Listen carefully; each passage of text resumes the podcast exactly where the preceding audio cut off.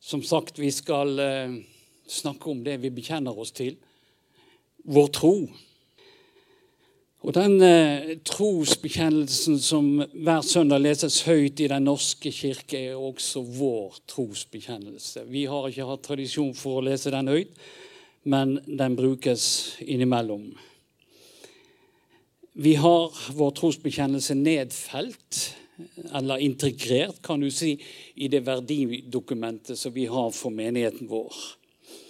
Og nå skal vi lese trosbekjennelsen sammen. Så la oss reise oss, og så kommer den opp her.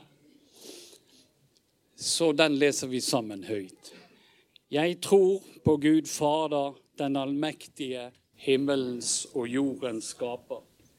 Jeg tror på Jesus Kristus, Guds enbårne Sønn, vår Herre, som ble unnfanget ved Den hellige ånd, født av jomfru Maria, pint under Pontius Pilatus, korsfestet, død og begravet, for ned til dødsriket, sto opp fra de døde tredje dag, for opp til himmelen, sitter ved Guds den allmektige Faders høyre hånd skal derfor komme igjen for å dømme levende og døde. Jeg tror på Den hellige ånd, en hellig allmenn kirke, de hellige samfunn, syndenes forlatelse, legemets oppstandelse og det evige liv. Takk. Trosbekjennelsen er også en proklamasjon ut i den åndelige verden. Vi sier hvem vi tror på, hvem vi tilhører, og hvem som er herre i våre liv. Vi bygger vår tro på Guds ord. Vår trosbekjennelse er forankret i Guds ord. Vi som menighet er tilsluttet Misjonskirken Norge med et felles verdidokument. Og Misjonskirken Norges verdier sier noe om trosgrunnlaget vårt. Og hva som skal prege oss på veien mot målet. De forteller oss hvordan vi skal møte hverandre, hvordan vi skal møte de oppgaver som møter oss, både lokalt, nasjonalt og internasjonalt. I dette er vår trosbekjennelse helt sentral, og den er en del av vår identitet. Vi tror at Bibelen er Guds ord og rettesnoren for liv og lære. Menigheten bygger altså på den apostoliske trosbekjennelsen. Og det er den som er mest brukt av de fleste kirkesamfunnene i landet vårt. No, og som sagt, Noen leser denne sammen i gudstjenesten hver søndag, mens andre mer sporadisk. Den nåværende versjonen er fra ca. 700-tallet. Men den nesten identiske romerske bekjennelsen er fra omkring 200-tallet. Misjonskirken Norge har deltatt i Norsk teologisk samtaleforum som en del av Norges kristne råd, der de bl.a. har hatt et mål å samle de norske kirkesamfunnene for å kunne bekjenne en felles tro, og dermed vise vårt folk at vi til tross for mange forskjellige ulikheter har det mest avgjørende felles troen på en treenig Gud. Det er òg andre trosbekjennelser, og den mest kjente av disse er den nikenske trosbekjennelse. Den ble forfattet og vedtatt i Nikea, Tyrkia, i år 325 etter Kristus. Innholdet, innholdet i denne trosbekjennelsen er ganske likt med den apostoliske, men det er en litt annen ordlyd i den. Men vi skal som sagt forholde oss til den apostoliske trosbekjennelsen framover våren. Og vi har delt opp de forskjellige bekjennelsene, om jeg skal bruke det, i tema, slik at vi utdyper dette som vi tror på. For eksempel så har vi tre temaer om Gud, ikke sant? Eh, som er den første artikkel, den første setningen vi leste sammen. Eh, jeg tror på Gud Fader, den allmektige himmels og jordens skaper. det blir da tre taler utover, høsten, nei, utover våren på den. Og Nå skal vi begynne, og i dag skal vi forholde oss til Gud som skaper. Jeg tror på himmelens og jordens skaper. Og Nå skal vi få teksten lest fra første Mosebok 1, 1 til, til kapittel 2, vers 4. Så hvis du vil følge med i din bibel, så kan du det. Første Mosebok, fra første vers til andre kapittel, vers 4. I begynnelsen skapte Gud himmelen og jorden. Jorden var utformet og tom, og mørket lå over dypets overflate, og Guds ånd svevde over vannflatene. Da sa Gud, det blir lys, og det ble lys. Gud så lyset, at det var godt, og Gud skilte lyset fra mørket. Gud kalte lyset dag, og mørket kalte han natt. Så ble det kveld, og det ble morgen den første dagen. Så sa Gud, det skal bli en hvelving midt i vannet, og den skal skille vann fra vann. Så gjorde Gud hvelvingen og skilte vannene som var under hvelvingen, fra vannene som var over hvelvingen, og det ble slik. Og Gud kalte hvelvingen himmel. Så ble det kveld, og det ble morgen den andre dagen. Så sa Gud, vannene under himmelen skal samles på ett sted, og det tørre land skal komme til syne. Og det ble slik. Gud kalte det tørre landet for jord, og oppsamlingen av vannene kalte han hav. Og Gud så at det var godt. Så sa Gud, jorden skal bære fram gress, planter som setter frø, og frukttrær som gir frukt over sitt slag, og som har frø i seg på jorden. Og det ble slik. Jorden bar fram gress, planter som setter frø over sitt slag, og trær som gir frukt med frø i seg etter sitt slag. Og Gud så at det var godt. Så ble det kveld, og det ble morgen den fjerde dagen. Så sa Gud, det skal bli lys på himmelhvelvingen, for å skille dagen fra natten de skal være til tegn, og de skal angi årstider, dager og år. De skal være til lys på himmelhvelvingen, for å gi lys på jorden, og det ble slik. Så gjorde Gud to store lys, det største til å råde om dagen og det minste til å råde om natten, også stjernene. Gud satte dem på himmelhvelvingen for å gi lys på jorden, og få råde over dagen og over natten, og få skille lyset fra mørket. Og Gud så at det var godt. Så ble det kveld, og det ble morgen den fjerde dagen. Så sa Gud, det skal vrimle av levninger, skapninger i vannene, og fugler skal fly opp under himmelhvelvingen over jorden. Så skapte Gud de store sjødyrene, og hver levende skapning som rørte seg, og som rimler i vannene, hver etter sin art, og hver fugl sa vinger, hver etter sin art. Og Gud så at det var godt. Og Gud velsignet dem og sa:" Vær fruktbare og bli mange. Fyll opp vannene i havene, og fuglene skal bli mange på jorden. Så ble det kveld, og det ble morgen den femte dagen. Så sa Gud, jorden skal bære fram levende skapninger etter sin art, fe og kryp og jordens villdyr, hver etter sin art, og det ble slik. Gud gjorde jordens villdyr etter sin art, fe etter sin art, og hvert kryp etter sin art, og Gud så at det var godt. Så sa Gud, la oss gjøre mennesket i vårt bilde etter vår lignelse. De skal råde rett over fiskene i havet, over fuglene i luften, og over feet, over hele jorden og over hvert kryp som rører seg på jorden. Så skapte Gud mennesket i sitt bilde. I Guds bilde skapte han det. Til mann og kvinne skapte han dem. Så velsignet Gud dem, og Gud sa til dem, Vær fruktbare, bli mange. Fyll opp jorden og legg den under dere. Dere skal ha råderett over fisken i havet, over fuglene i luften, over hver levende skapning som rører seg på jorden.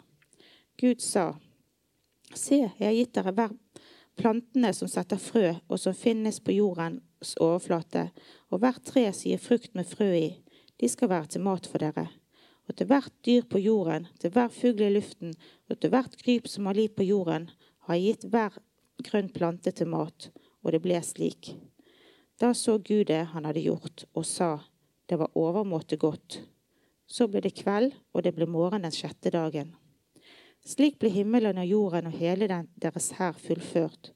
På den sjuende dagen fullendte Gud sitt verk, det han hadde gjort, og på den sjuende dagen hvilte han fra hele sitt verk, det han hadde gjort. Så velsignet Gud den sjuende dagen, den hellighet og hellighet den, for på den dagen hvilte han fra sitt verk, det Gud hadde skapt og formet, himmelen og jordens historie. Dette er historien om himmelen og jorden da de ble skapt på, en, på den dag da Herren Gud gjorde jorden og himmelen.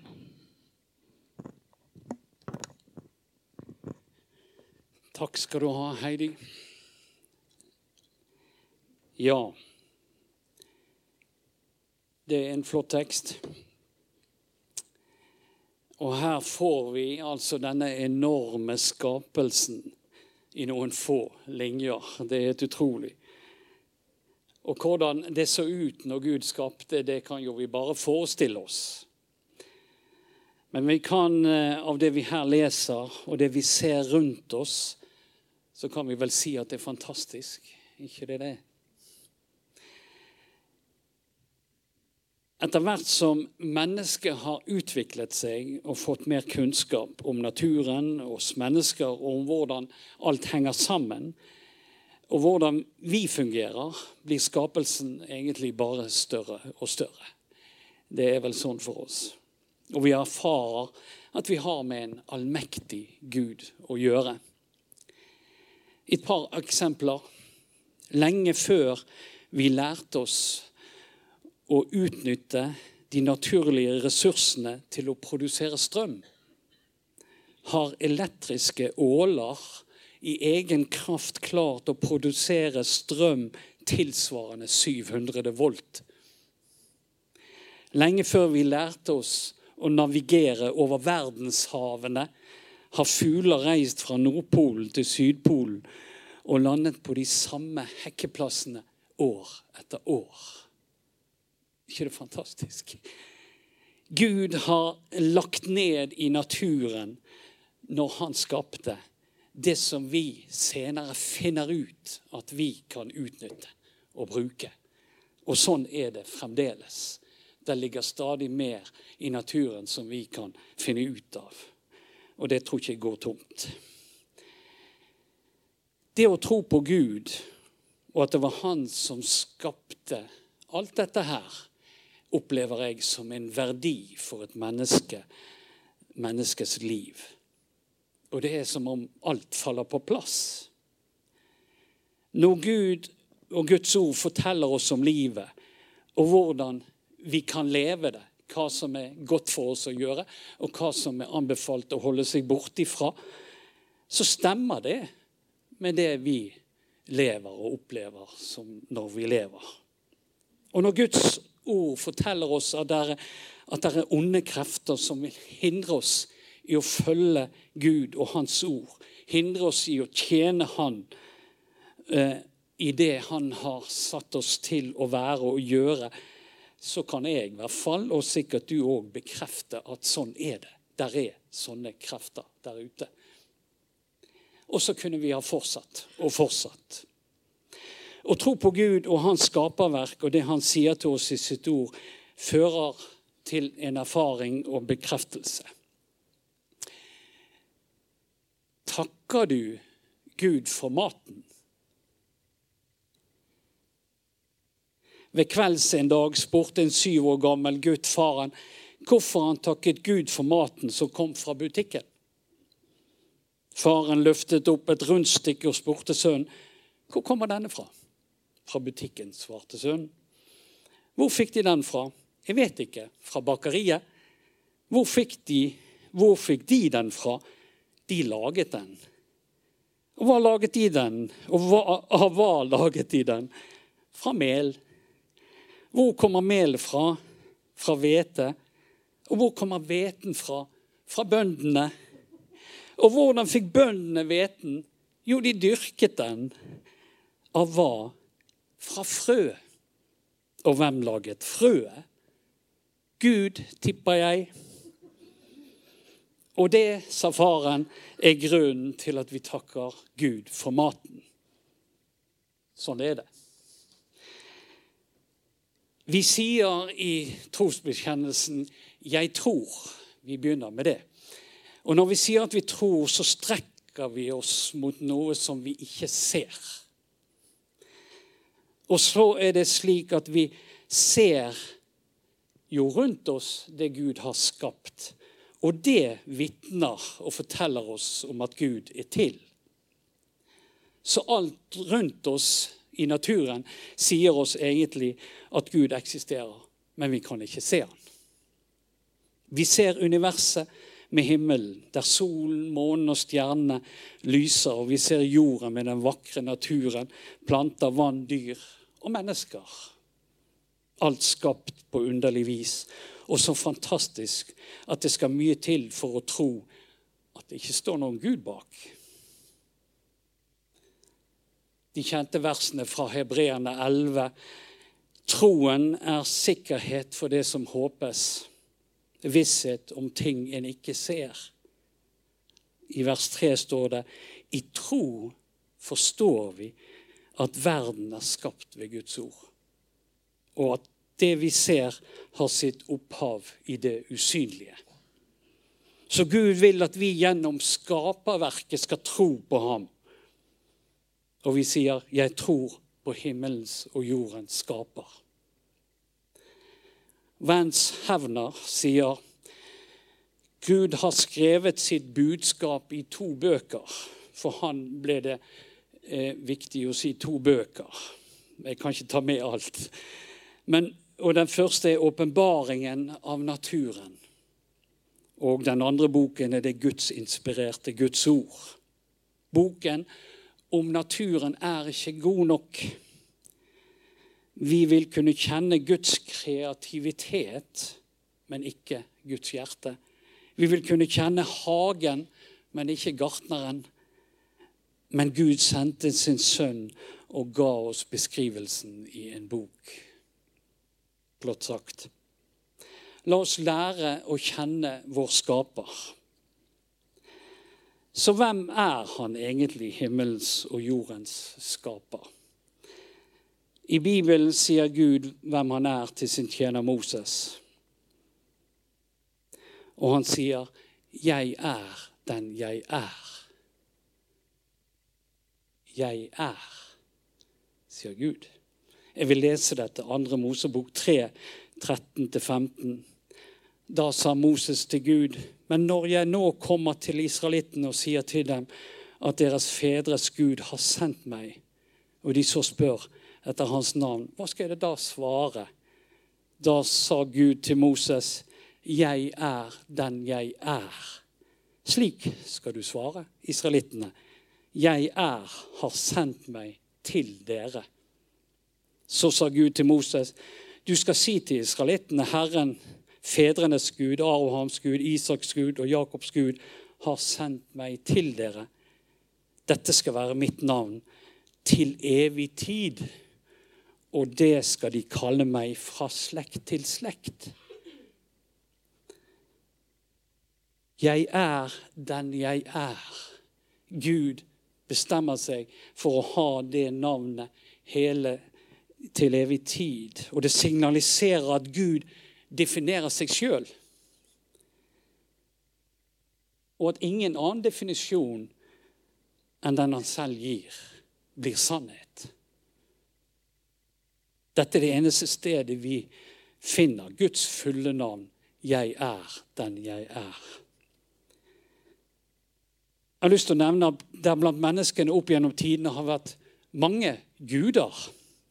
Og mennesker lager seg stadig nye guder etter hvert som de har behov for det. Bibelen nevner en hel del gudenavn som de forskjellige folkeslagene har valgt opp gjennom tidene. Og vi har i dag flere religioner som har flere guder de tilber. I de ti bud gjør Gud det klart at han ikke vil at vi skal ha andre guder enn ham. Og bare i Jesaja, det 45. kapittel, så leser vi hele fem ganger at der, om at det ikke er noen annen Gud. Fem ganger sier Jesaja det i det samme kapittelet. Jeg skal bare lese noen vers der. Jesaja 45, 5-7. Jeg er Herren, det er ingen annen. Foruten meg er det ingen Gud. Jeg har spent belte om livet på deg, enda du ikke kjente meg. For at folk fra øst til vest skal vite at det ikke er noen ved siden av meg. Jeg er Herren, ingen annen. Jeg skaper lyset og danner mørke. Jeg skaper lykke og ulykke. Det er jeg, Herren, som gjør alt dette. Så Gud slår fast det er ingen annen Gud. Og Gud sier dette om de som tilber andre guder i vers nummer 20, Jesaja 45. De skjønner ingenting, de som bærer sine gudebilder av tre og ber til en Gud som ikke kan frelse. Og i vers 21.: Det finnes ingen Gud foruten meg, ingen annen rettferdig og frelsende Gud. Trenger vi frelse, så er det bare én Gud å gå til. Så den allmektige himmel som jorden skaper, han er, og han er alene Gud. Gud skaper universet med alt som er i det, med orden. Der er orden. Han skaper himmel og jord. Han skiller land fra vann, lys fra mørke. Han skaper fisken i vannet, dyrene på marken og fuglene under himmelen. Han skaper grønne vekster. Alt med sin syklus. ikke det fantastisk? Og så sier Gud i versene som vi leste, 26 og 28 i første Mosebok La oss skape mennesker i vårt bilde som et avbilde av oss. De skal råde over fiskene i havet og fuglene under himmelen, over fe og alle ville dyr og alt som kryper, og det som kryr av på jorden. Og Gud skapte mennesket i sitt bilde. I Guds bilde skapte han dem. Til mann og kvinne skapte han dem. Gud velsignet dem og sa, vær fruktbare og bli mange, fyll jorden og legg den under dere. Gud skapte oss i sitt bilde til fellesskap med seg. Gud skapte mennesket, og det er det ypperste av Guds skaperverk. Og han skapte det som mann og kvinne. Også der er det orden. Og gav de et oppdrag. Vær fruktbare og bli mange. Fyll jorden og legg den under dere, sa Gud. Gud vil fylle jorden med mennesker, for så senere å fylle himmelen med mennesker. Evigheten. Det er det som er Guds tanke, det er det som er hans ønske. Han vil at vi skal fylle jorden med så mange som mulig, sånn at flest mulig får valget til å komme hjem til Herren og få være sammen med Han i all evighet. Det er hans mål.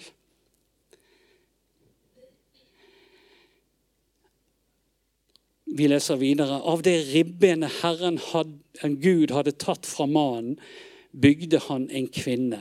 Og han førte henne bort til ham. Da sa mannen, dette er da ben av mine ben og kjøtt av mitt kjøtt. Hun skal kalles kvinne, for av mannen er hun tatt.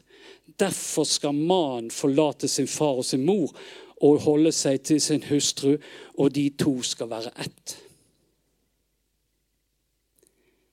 Det må en mann og en kvinne til for å fylle jorden med mennesker. Og det er det som er vårt oppdrag. Gud etablerte ekteskapet bl.a. for at vi skulle kunne fullføre det oppdraget vi hadde fått. Gud så på det han skapte, og så at det var godt. Og blant alt det han skapte, er mennesket kronen på skaperverket. Han vil jo til og med tilbringe evigheten sammen med oss. Har du tenkt på det? Hans kjærlighet til oss er ufattelig stor. Og hør hva salmisten sier. Når jeg ser din himmel, et verk av dine fingre, månen og stjernene som du har satt der, hva er da et menneske? siden du kommer det i hu. Et menneskebarn siden du tar det av det. Du gjorde ham lite ringere enn Gud og kronet ham med ære og herlighet. Du gjorde ham til herre over dine henders verk. Alt la du under hans føtter. Salme 8. Gud har skapt oss, som vi hørte når vi leste dette, i den rytmen som han utførte skapelsen på. Lys, mørke, dag og natt. Og så leste vi den sjuende dagen hadde Gud fullført hele sitt verk.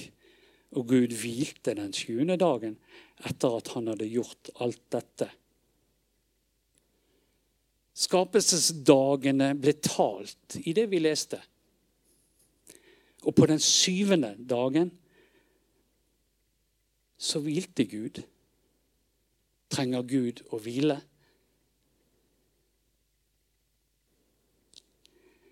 Han vil at vi skal hvile den syvende dagen.